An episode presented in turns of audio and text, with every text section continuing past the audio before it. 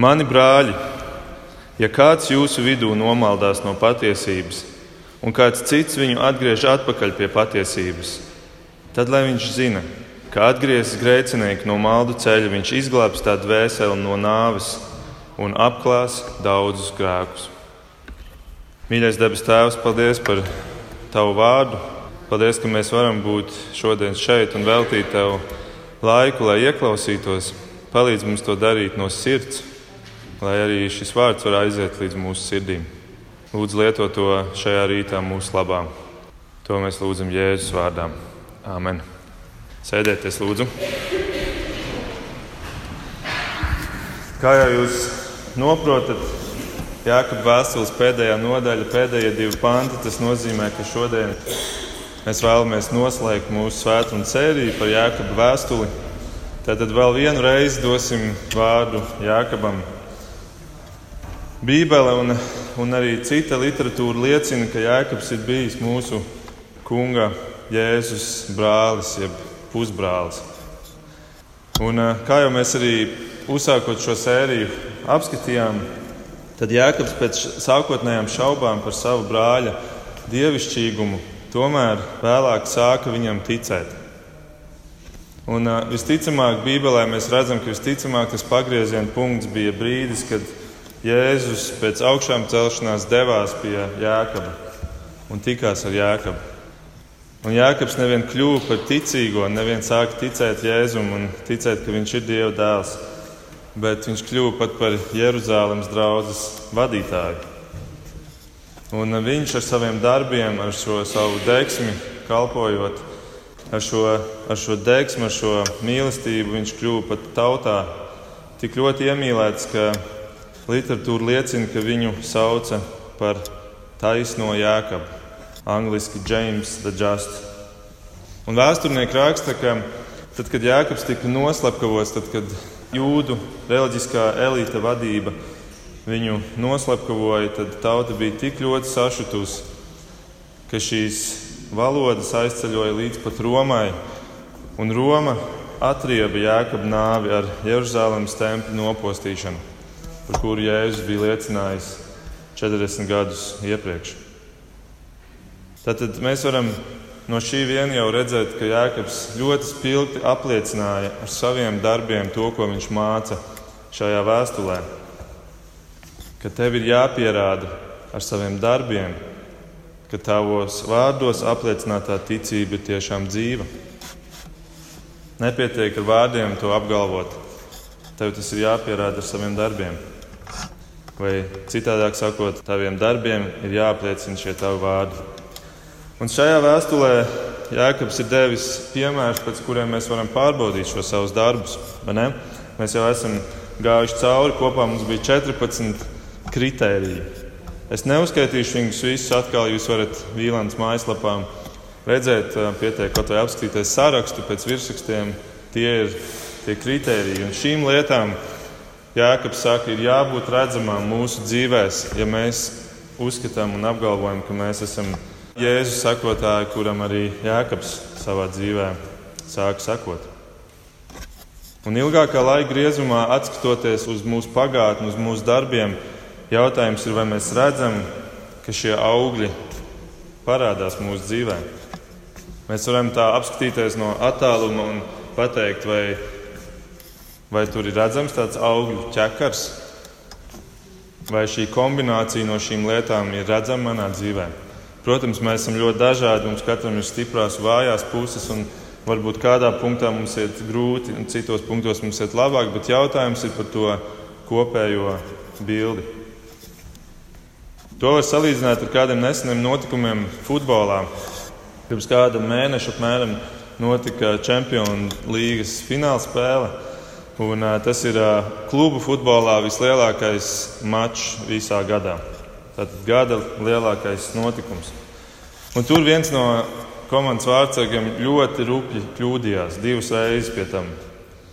Un tas izraisīja ļoti lielu izbrīnu ne tikai skatītājiem un, un žurnālistiem, bet arī man pašam, jo es 25 gadus apmēram skatos futbolu regulāri, un es nekad nebiju redzējis tādu kļūdu, kādu viņš tur pieļāva. Un, Visa futbola pasaulē sāka viņu izsmiet un nozākāt, un žurnālisti pat apšaubīja viņa tālāko karjeru, kaut gan viņš vēl ir jauns gados. Bet pāris dienu vēlāk mēdījos parādījās ziņa, ka viņš ir bijis pie viena no atzītākajiem smadzeņu ārstiem Amerikā, kurš, kurš ārstē amerikāņu futbolistus, ziniet, tos, kuri tur ar galvām triecās iekšā viens otram. Un viņam tika izsniegta diagnoze, ka viņam ir bijis smadzeņu satricinājums. Un izrādās, ka divas minūtes pirms šīs pirmās rupjās kļūdas viņam pretinieks, kā pēc tam var redzēt arī televīzijas atkārtojumu kadros ar alkoni, vienā sadursmē iesita pa deniņiem. Un tiesnesis to nepamanīja, tāpēc tas tā bišķiņā aizgāja nepamanīts. Bet šis ārsts apgalvoja, ka šajā notikumā, kas īsi pirms tam bija redzams laukumā, šim eh, viņš guva šo smadzeņu satricinājumu un viņam izmainījās telpiskā izjūta. Un tāpēc viņš visticamāk arī pieļāva šīs kļūdas. Un šis ārsts savā paziņojumā raksta, ka no 30 pazīmēm, 26 pazīmēs ir redzams, ka šis rezultāts apliecina, ka viņam ir smadzeņu satricinājums.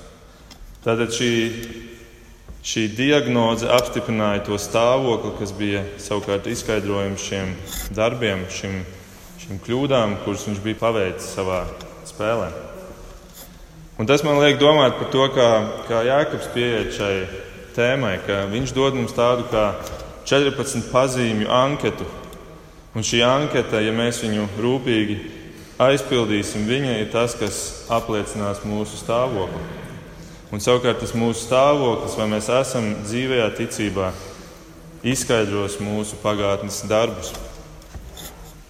Un šodienas Jēkaba noslēgums, šie pēdējie divi teikumi, kurus Jēkabs velta. Pēc visu šo 14 kritēriju apskats ir kā tāds cilvēka diagnoze, kur Jēkabs saka, jā, tava diagnoze ir, ka tu neesi izpildījis, ka tavs ķekars tur nav redzams, ka tev tik un tik no 14 kritērijiem ir apšaubām. Tad ko darīt šādā gadījumā? Ja tava diagnoze ir nomaldījies, ko darīt šādā gadījumā? Un tāpēc es vēlos, lai mēs apskatāmies šo pantu. Jākapis sāk šo, šo 19. pantu ar vārdiem: Mani brāļi, ja kāds jūsu vidū nomaldās. Tad mēs redzam, šeit ir tas vārds nomaldās. Un, ja mēs paskatāmies grieķu nozīmi šim vārdam, tas vārds ir planēta planēta. Sakne tam vārdam ir planēta. Tad, ja kāds jūsu vidū ir tā tāda planēta pielidojusi un, un pēc tam aizplanējusi tālāk, to viņš salīdzina ar šo vārdu aizmaldīties vai nomaldīties. Un šis vārds tiek minēts vēl tikai vienu reizi jaunajā derībā, Mateja 18, kur Jēzus runā par pazudušo avi. Ja es saku, ja kādam cilvēkam pieder simts avju un viena no tām nomaldās, ja viena no šīm avīm ir kā tāda planēta, kas ir nomaldījusies, vai tad viņš neatstās pārējās 99 kalnos un nedosies meklēt šo nomaldījušos? Un uzreiz pēc šī salīdzinājuma par avīm Jēzus saka tos slavenos vārdus, kurus mēs arī nesen esam skatījušies šeit kā atsevišķu svētkrunu Viņš saka, kā rīkoties, ja brālis grēko. Un teologs saka, šī ir ne tikai paralēla raksturvieta, bet ka Jēkabs ir ietekmējies no Jēzus. Viņš ir paņēmis šo domu un mēģinājis pateikt saviem vārdiem. Un Jēzus tur saka, ja tavs brālis, ja, ja brālis draudzē ir grēkojis pret tevi, vispirms ej un runā ar viņu viens pret viens. Un ja viņš tev neklausa, tad pieaicini vienu vai divus lieciniekus. Un, ja viņš tev neklausa, tad vēd viņu draudzes priekšā. Un, ja viņš neklausa, tad izslēdz viņu no draudzes. Un Jēkabs ir iespējams turējis prātā tieši šos pašus savu brāļu un savu kunga vārdus. Un, un viņš saka, brālis vai māsa, ja viņa vai viņš ir aizplanējis prom, nomaldījies, tad kas ir jādara? Lai varētu atbildēt uz to, kas ir jādara, ir vispirms jāatbild uz jautājumu, no kā tad viņš ir nomaldījies, no kā viņš ir aizplanējis prom. Jākaps raksta, ja kāds jūsu vidū nomaldās no patiesības. No patiesības. Un es domāju, un es esmu arī dzirdējis diezgan bieži, ka cilvēki, lasot šo raksturvietu, viņu pirmā doma ir, ka šeit ir runa par nomaldīšanos no dieva. Aizmaldīšanos prom no dzīvās ticības. Dieva bērna stāvokļa anulēšana. Tu tiki adoptēts Dieva ģimenē, un tagad šis nozīmē, ka tava adoptācija tiek anulēta. Tad vienkāršiem vārdiem runājot, tava glābšanas pazaudēšana. Bet kas ir šī patiesība? Nomaldās no patiesības. Kas ir šī patiesība? Jēkabs šo pašu patiesību piemin vēl divas reizes savā vēstulē, un tur mēs redzam, ka šī patiesība nav cilvēka garīgais stāvoklis, Patiesība nav cilvēka garīgais status, šī pestīšana, šī dievbijība, bet tas ir dievvvārds vai evaņģēlijs. Piemēram, Jākaba 1,18. Viņš raksta, viņš mūs ir izvēlējies un atzemdinājis ar patiesības vārdu. Šī patiesība nav pati atzimšana. Tas ir instruments, caur kuru tiek veikta šī cilvēka atzimšana. Vai Jākab 3,14. Ja jūsu sirdī ir rūkta skaudība un ķildes, nelielieties un nemelojiet pret patiesību. Ja šeit ir iespējams melot pret šo patiesību, tas nozīmē, ka šī patiesība ir kā tāda mācība, tas ir tas Dieva vārds, tā mācība, tas evaņģēlijs. Tātad, ja Jēkabs raksta, nomaldījies no patiesības, tad visgodīgākā, vistaisnīgākā atbilde būtu, tas nozīmē nomaldījies no Dieva vārda mācības. Jēkabs neraksta, ka te ir kristietis, kurš ir aizmaldījies no dieva prom vai pazaudējis glābšanu. Un, ja mēs tā paskatāmies kopējā kontekstā Bībeles, tad tas nemaz nebūtu iespējams.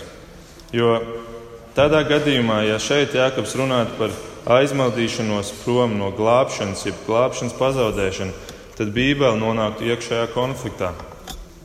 Te būtu kāda būtiska pretruna. Kādēļ? Tādēļ, ka jūs dzirdējāt, ko Toms lasīja ievadā, vai ne? Ebrejiem 6. Un tur bija šis, šis sāpīgais teikums. Sestais pants - atkrituši no ticības, tos nav iespējams atkal no jauna vēst pie atgriešanās. Atkrituši no ticības, tos nav iespējams atkal no jauna vēst pie atgriešanās. Tad te ir absolūts apgalvojums, nav iespējams atgriezt. Nevis ļoti grūti iespējams, vai ļoti retos gadījumos iespējams, vai ar ļoti, ļoti dziļu grēku nožēlu iespējams. Viņš raksta, te nav iespējams, nav iespējams atgriezt. Un tomēr Jānis aicina šodien uz atgriešanos. Tad kā to saprast? Autors ebrejiem, ebreju vēstulē saka, nav iespējams, bet Jānis mums šorīt aicina vērt uz atgriešanos. Tātad secinājums ir, ka tie ir divi dažādi gadījumi.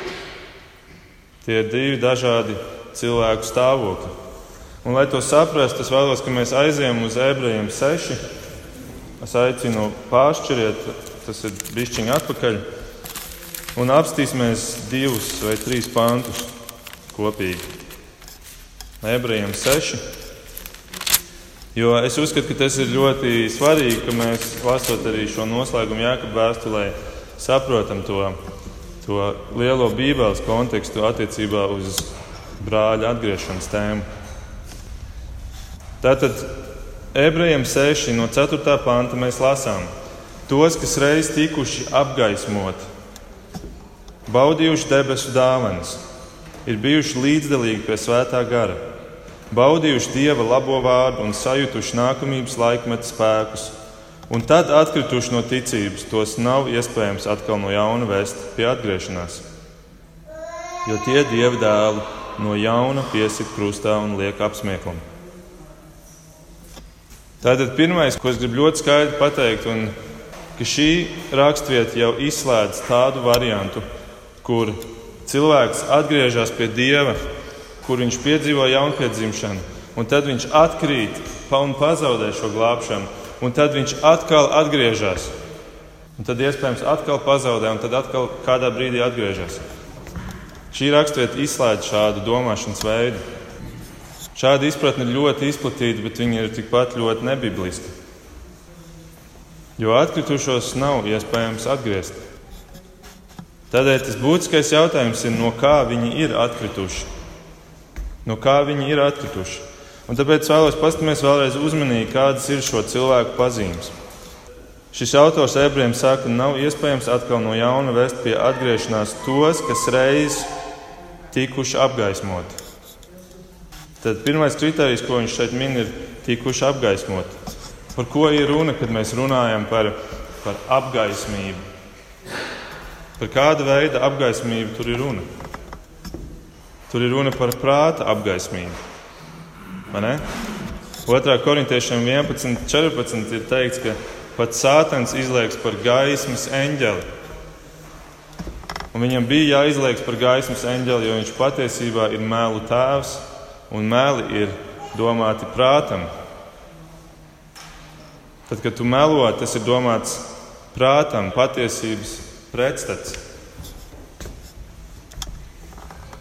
Ar to es gribu teikt, ka apgaismība nozīmē, ka tu pieņem patiesību ar prātu, tādā intelektuālā līmenī. Tava ticība Dievam ir tādā intelektuālā līmenī, nu jā, Dievs varētu tiešām eksistēt. Nevis tā kā mūsu viesis ļoti trāpīgi arī šorīt minēja, nevis, ka tu to dari ar visu savu sirdi, ar visu savu dvēseli, ar visu savu spēku. Tā ir tikai tāds intelektuālais prāta līmenis. Un ar šo cilvēks neatšķirās no dēmoniem, kuri arī tic dievam, un tomēr viņi drēb. Tātad ar to mēs varam pateikt, ka ar prāta apgaismību cilvēks vēl nav glābts cilvēks. Ko viņš šeit vēl min? Viņš saka, baudījuši debesu dāvanas. Kas ir debesu dāvanas? Vakarēdienas.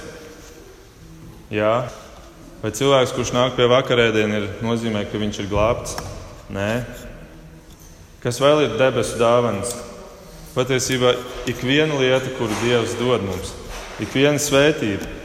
Tas pats Jānis 1. nodaļā, 17. pantā rakstīja, jebkurš labs devums un jebkura pilnīga dāvana nāk no kurienes? No augšienes, no gaismas tēva. Debesu dāvāns ir jebkas, ko viņš tev dod. Un debesu dāvanas saņem jebkurš cilvēks, arī tie, kuri Dievu noliedz. Mēs to saucam par vispārīgo žēlastību. Tad ar debesu dāvanām tu vēl neesi glābts. Arī visi neticīgie tās saņem. Kas mums te vēl ir minēts? Ir bijuši līdzdalīgi pie svētā gara. Ir bijuši ar uzsvaru līdzdalīgi pie svētā gara. Mēs varam teikt, kāpēc tik dīvaina vārda izvēle līdzdalīgi. Kāpēc tik dīvains vārds? Ko nozīmē būt līdzdalīgam? Tas nozīmē būt blakus, būt klāt, piedalīties kopā ar Svēto gāru kaut kur, ņemt dalību pasākumos. Vai jūs zināt, ka jūs šobrīd esat līdzdalīgi Svētajam garam, ja jūs esat atnākuši uz dievkalpojumu un dievkalpojumā, kurā mēs pasludinām Kristus vārdu, darbojās Svētais gars? Tāpat palīdzēt organizēt kādas draudzes, kalpošanas, tas nozīmē, ka tu esi līdzdalīgs svētajam garam. Bet ar to nepietiek, lai tu būtu glābts. Kur ir jābūt svētajam garam, lai tu būtu glābts? Tevī. Nevis blakus tev, nevis līdzdalīgs kaut kur, kur tu esi līdzdalīgs, bet viņam ir jābūt tevī.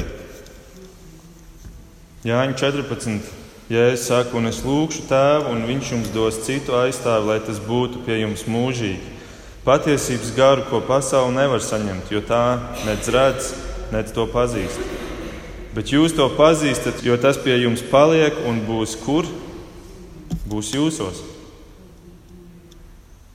Mēs esam runājuši par to vecās derības princips uz svēto garu un jaunās derības ir ļoti kardināli atšķirīgs. Jaunajā derībā katrā patiesi atzimušā Dieva bērnā mājo svētais gars. Svētajam garam ir jābūt manī, nevis man ir jābūt līdzdalīgam pie svētā gara. Redzat to atšķirību? Romiešiem 8.11.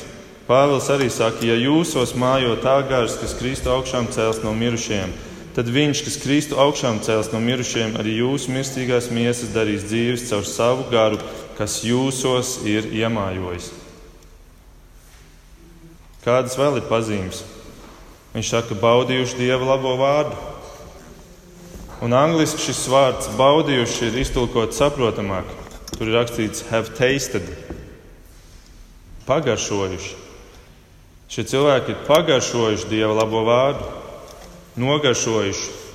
Tad nāk prātā vārds cherry picking, kas nozīmē, ka tu no tortītes noņem ķirsīšu tie, kas ir tie foršie, kuri tev patīk. Tu paņem to, ko tu gribi, nevis ņem visu. Vai arī var salīdzināt ar degustāciju. Tu pagaršo bišķiņu. Tu viņu pagaršo tā domu, nu, es tagad pagaršošu, un tad es izvēlēšos, vai ņemt vai neņemt. Vai tāda ir pazīme jaundzimušam cilvēkam? Vai tas ir tas, kā Bībele runā par atzimušiem cilvēkiem, par glābtiem cilvēkiem? Nē, paklausieties, ko piemēram Jēzus atbild degustācijas biznesa īpašniekam Sātanam Tūkstnesī. Mateja 4,4. Viņš saka, ir rakstīts, cilvēks nedzīvo no maizes vien, bet no ikatra vārda, kas nāk no dieva mutes. Vai mēs ēdienu pagaršojam, bišķiņu, nu, nezinu, reizi nedēļā, bišķiņu pagaršojam, vai tomēr mēs ēdam trīs reizes dienā, citi divreiz dienā, citi piecreiz dienā. Labs piemērs ir Jeremija. Viņš dievu vārdu ēda pa īstam. Jeremija 15 rakstīts, tavi vārdi atradās, un es tos apēdu. Un tavu vārdu bija mans sirds prieks un līgsme, jo es esmu saukts tavā vārdā, kungs, pulku dievs. Apēst dievu vārdu, lietot to kā ikdienas uzturu, tā ir glābta cilvēka pazīme, nevis pagaršojuši dievu labo vārdu. Kas mums vēl ir atlicis? Vēl viena pazīme. Tur ir teikts, sajūtuši nākamības laikmeta spēkus. Kas ir nākamības laikmets? Debesis, mūžīgā dzīve. Un kas ir šie laikmeta spēki? Tie ir brīnumi. Tajā laikā, tad, kad Jēkabs šo rakstu, tajā laikā apstuļi darīja daudzus brīnumus, un Bībelē saka, viņi to darīja, lai apliecinātu, ka šī vēsts nāk no debesīm, no Dieva. Šodien caur lūkšanām Dievs joprojām dara brīnumus, piemēram, dziedina cilvēkus fiziski. Bet, ja kāds cilvēks ir sajūtis šādu nākamības laikmetu spēku un ticis, piemēram, fiziski dziedināts, vai tas uzreiz garantē, ka viņš ir saņēmis arī garīgu dziedināšanu? Daudzie piemēri, kur Jēzus fiziski dziedina cilvēku un pēc tam viņam mudina tikai ej un negrēko vairs, maini savu dzīvi. Tas apliecina, ka, ka šīs divas lietas ir nodalītas. Šiem cilvēkiem bija izvēle iet un, un tikt garīgi glābtiem vai netikt. Tātad visas šīs pazīmes liecina par to, ka te ir cilvēks, kas ir bijis starp kristiešiem, viņš ir bijis draudzē, Viņš kādu laiku ir nācis līdzi, viņš ir bijis degustētājs dieva labumiem. Un tomēr viņš beigās ir nonācis pie secinājuma, ka Kristus tomēr ir jāsit krustā. Tie, kas to izdarīja pirms mums, viss pareizi izdarīts.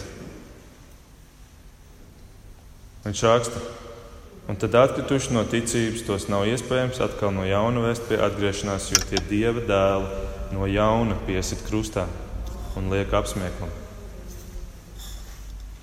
Ar to es gribu teikt, ka šie cilvēki nekad nav bijuši atgriezušies. Jā, viņi ir bijuši klāt, viņi ir bijuši blakus, viņi ir redzējuši tik daudz, viņi ir redzējuši daudz vairāk nekā tu un es esam redzējuši šodien. Un viņu secinājums ir, šāds Kristus man nav vajadzīgs. Un šādam cilvēkam, kuram ir dota maksimālā ietekme, ja viņam ir šāds secinājums, ko tu vēl viņam vari dot, tāpēc arī viņu nav iespējams vairs atgriezt. Tas ir tas pats vienīgais grēks, kurš netiks piedots. Šī svētā gara zaimošana, jo tieši caur svēto garu tiek dota visa šī ietekme cilvēkam, lai viņš varētu spērt soli un teikt jā Kristum. Es piekrītu reformātoram Džonam Kalvinam, kurš saka, tie, kuri atkrīt, nekad nav bijuši pilnībā piesūcināti ar izpratni par Kristu. Tiem bijusi viena viegla un pārējoša garša. Un tad ebreju vēstules autors šajā sastajā nodaļā turpina 9. pantā, un viņš pēkšņi pievēršas īstajiem kristiešiem. Viņš saka, sacīdam jums, mīļotie, šādus vārdus, mēs tomēr esam pārliecināti, ka attieksmē uz pestīšanu ar jums tomēr nav tik ļauna. Tas bija par tiem, kuri reiz bija, kuri saņēma degustāciju un viņi aizgāja prom, bet jūs, ar jums ir cits stāsts. Tagad viņš pievēršas tiem taisnotajiem. Un turpat viņš vēl piemin salīdzinājumu ar lietu, kas bagātīgi līst par visiem. Kā jau teicu, šī tā dieva vispārīgā žēlastība. No šī lietus devuma izaug tie derīgie un tie nederīgie. Viņi turpat blakus ir. Viņi ir arī zem baznīcas jumta, turpat blakus sēž. Tie vieni tur sēž un aiziet, bet tie otrs paliek. Viens tāds piemērs bija Jūda Iskariots, kurš bija degustētājs. Cilvēki uz viņu skatījās no malas, viņš turpat bija ar tiem pārējiem 11, un viņi visi bija kā viena grupa. Tomēr, tad, kad Jūda saprata, ka viņš netiks pie tā cerētā goda, ka Kristus tomēr nav tāds, kādu viņš bija iztēlojies, tad viņš izvēlējās sev izdevīgāko opciju - piesist Kristu krustā. Un tādu degustētāju ir daudz arī šodien. Un tagad atpakaļ pie Jēkabā 5.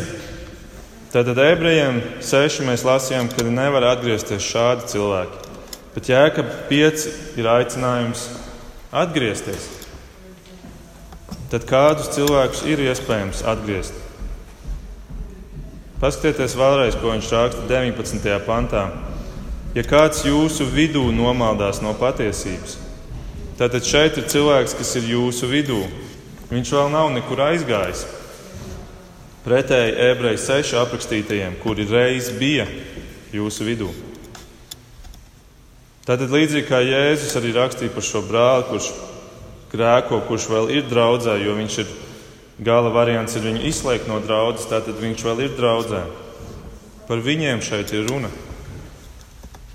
Šeit ir runa par cilvēku, kurš ir draudzē, bet kurš ir sācis dzīvot grēkā, kurš ir sācis attaisnot grēku, praktizēt to kā tādu regulāru aktivitāti savā dzīvē, kurš ir eh, sācis darīt to, kas nesaskan ar Dieva vārdu, kurš ir nomaldījies no patiesības. Piemēram, no šiem 14 kritērijiem. Tāpēc arī Jēkabs šo šeit min. Nomaldīties uz brīdi mēs katrs varam. Tas ir cilvēcīgi. Bet tādēļ mums ir vajadzīga draudzene, lai mums ir blakus brāļi un māsas, kuri nāk pie mums un aicina atgriezties uz šī patiesības ceļa. Tas ir iespējams vislielākais, vislielākā privilēģija un iemesls būt draudzē. Nevis iet ceļu vienam, kur neviens man nevar vērtēt, neviens man nevar kaut ko pamācīt, Bet būt draudzē, kur tev ir cilvēki apkārt, kuri redz, ja tu sāc maldīties, tad tev būs blakus kāds, kurš tev vedīs atpakaļ. Un tas ir tas, ko Jēkabs šeit aicina darīt. Ej un konfrontē. Tu vari kļūt, un tu īstenībā esi paredzēts kā dieva instruments, kurš darbojas arī draudzes vidū. Un tur ir viena ļoti būtiska vēl sastāvdaļa. Šī iešana pie sava brāļa vai māsas pati par sevi izraisīs reakciju. Un šī reakcija būs tā, kurai ir tik ļoti liela vērtība. Tāpēc, ka no vienas puses vai nu viņš izvēlēsies palikt uzticīgs, palikt draudzē un apliecinās ar to, ka viņš ir patiesi jaunpiedzimis Dieva bērns.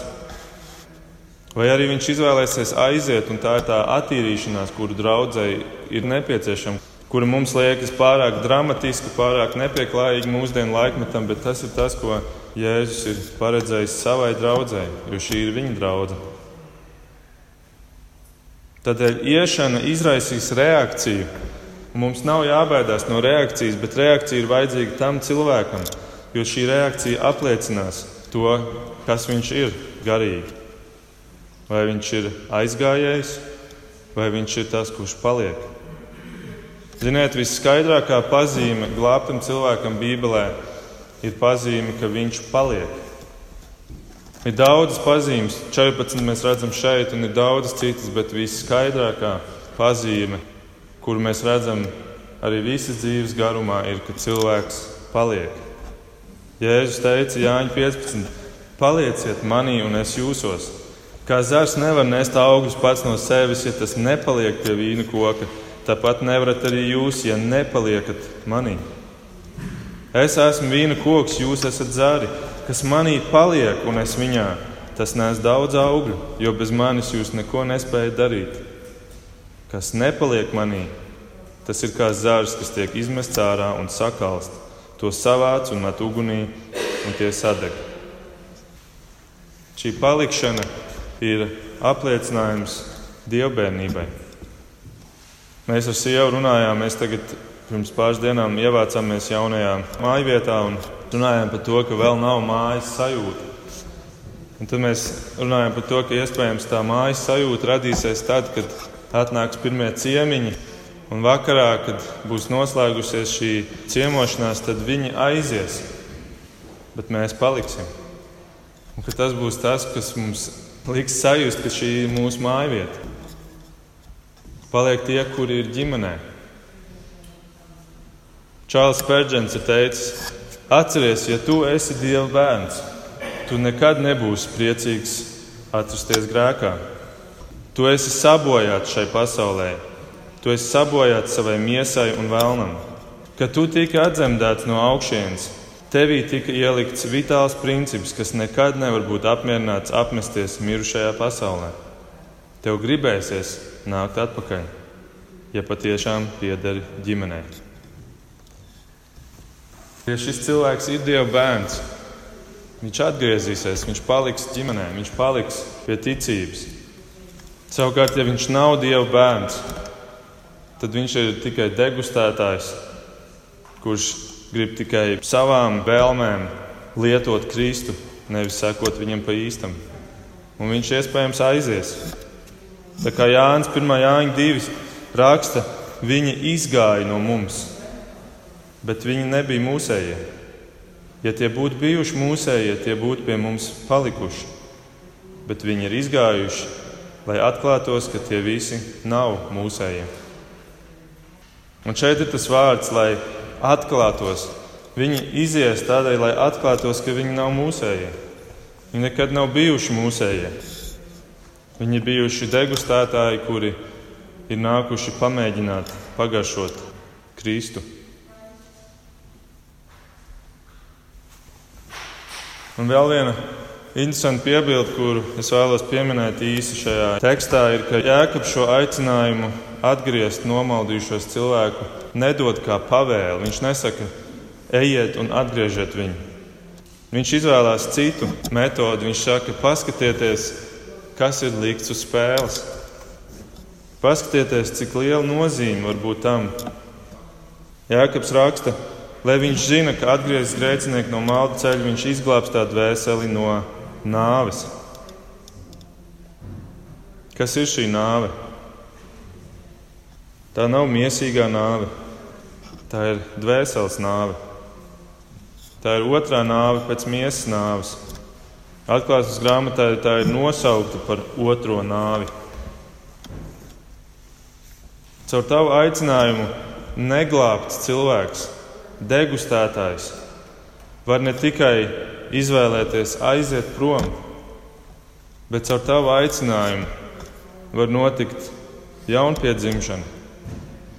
Var tikt apklāti, kā Jēkabs šeit raksta, daudzi grēki. Nevis tikai tas viens grēks, kur dēļ viņš tur nomaldījās. Daudzi grēki, visi grēki. Tik augsta cena ir šim aicinājumam un tik liela vērtība. Es vēlos noslēgt šodienas pārdomas un visu šo svētdienu sēriju ar šo pēdējo domu. Jēkabs pats reiz bija bezdievs. Viņš izsmēja savu brāli, viņš neticēja, ka Jēzus runā patiesību. Bet tad, kā jau minēju, kādu dienu Jēzus atnāca pie viņa, un šī atnākšana pie viņa bija tik svarīga, ka 1. korintiešiem 15 ir rakstīts, ka viņš gāja pie Jēkaba pirms viņš aizgāja pie saviem mācekļiem. Padomājiet, cik Jēzum, kurš bija veltījis trīs gadus šiem mācekļiem, cik dīvaina pazīme, ka viņš neiet pie viņiem, bet viņš izvēlējās aiziet vispirms pie Jēkaba. Tad ja tas bija kaut kas svarīgs. Tas nebija kāda ikdienas problēmas atrisināšana, bet šī vizīte bija ļoti svarīga. Nes par ko Jēzus gribēja runāt ar Jēkabu. Šī tikšanās krāsa izmainīja visu Jēkabā nākotnes dzīvi.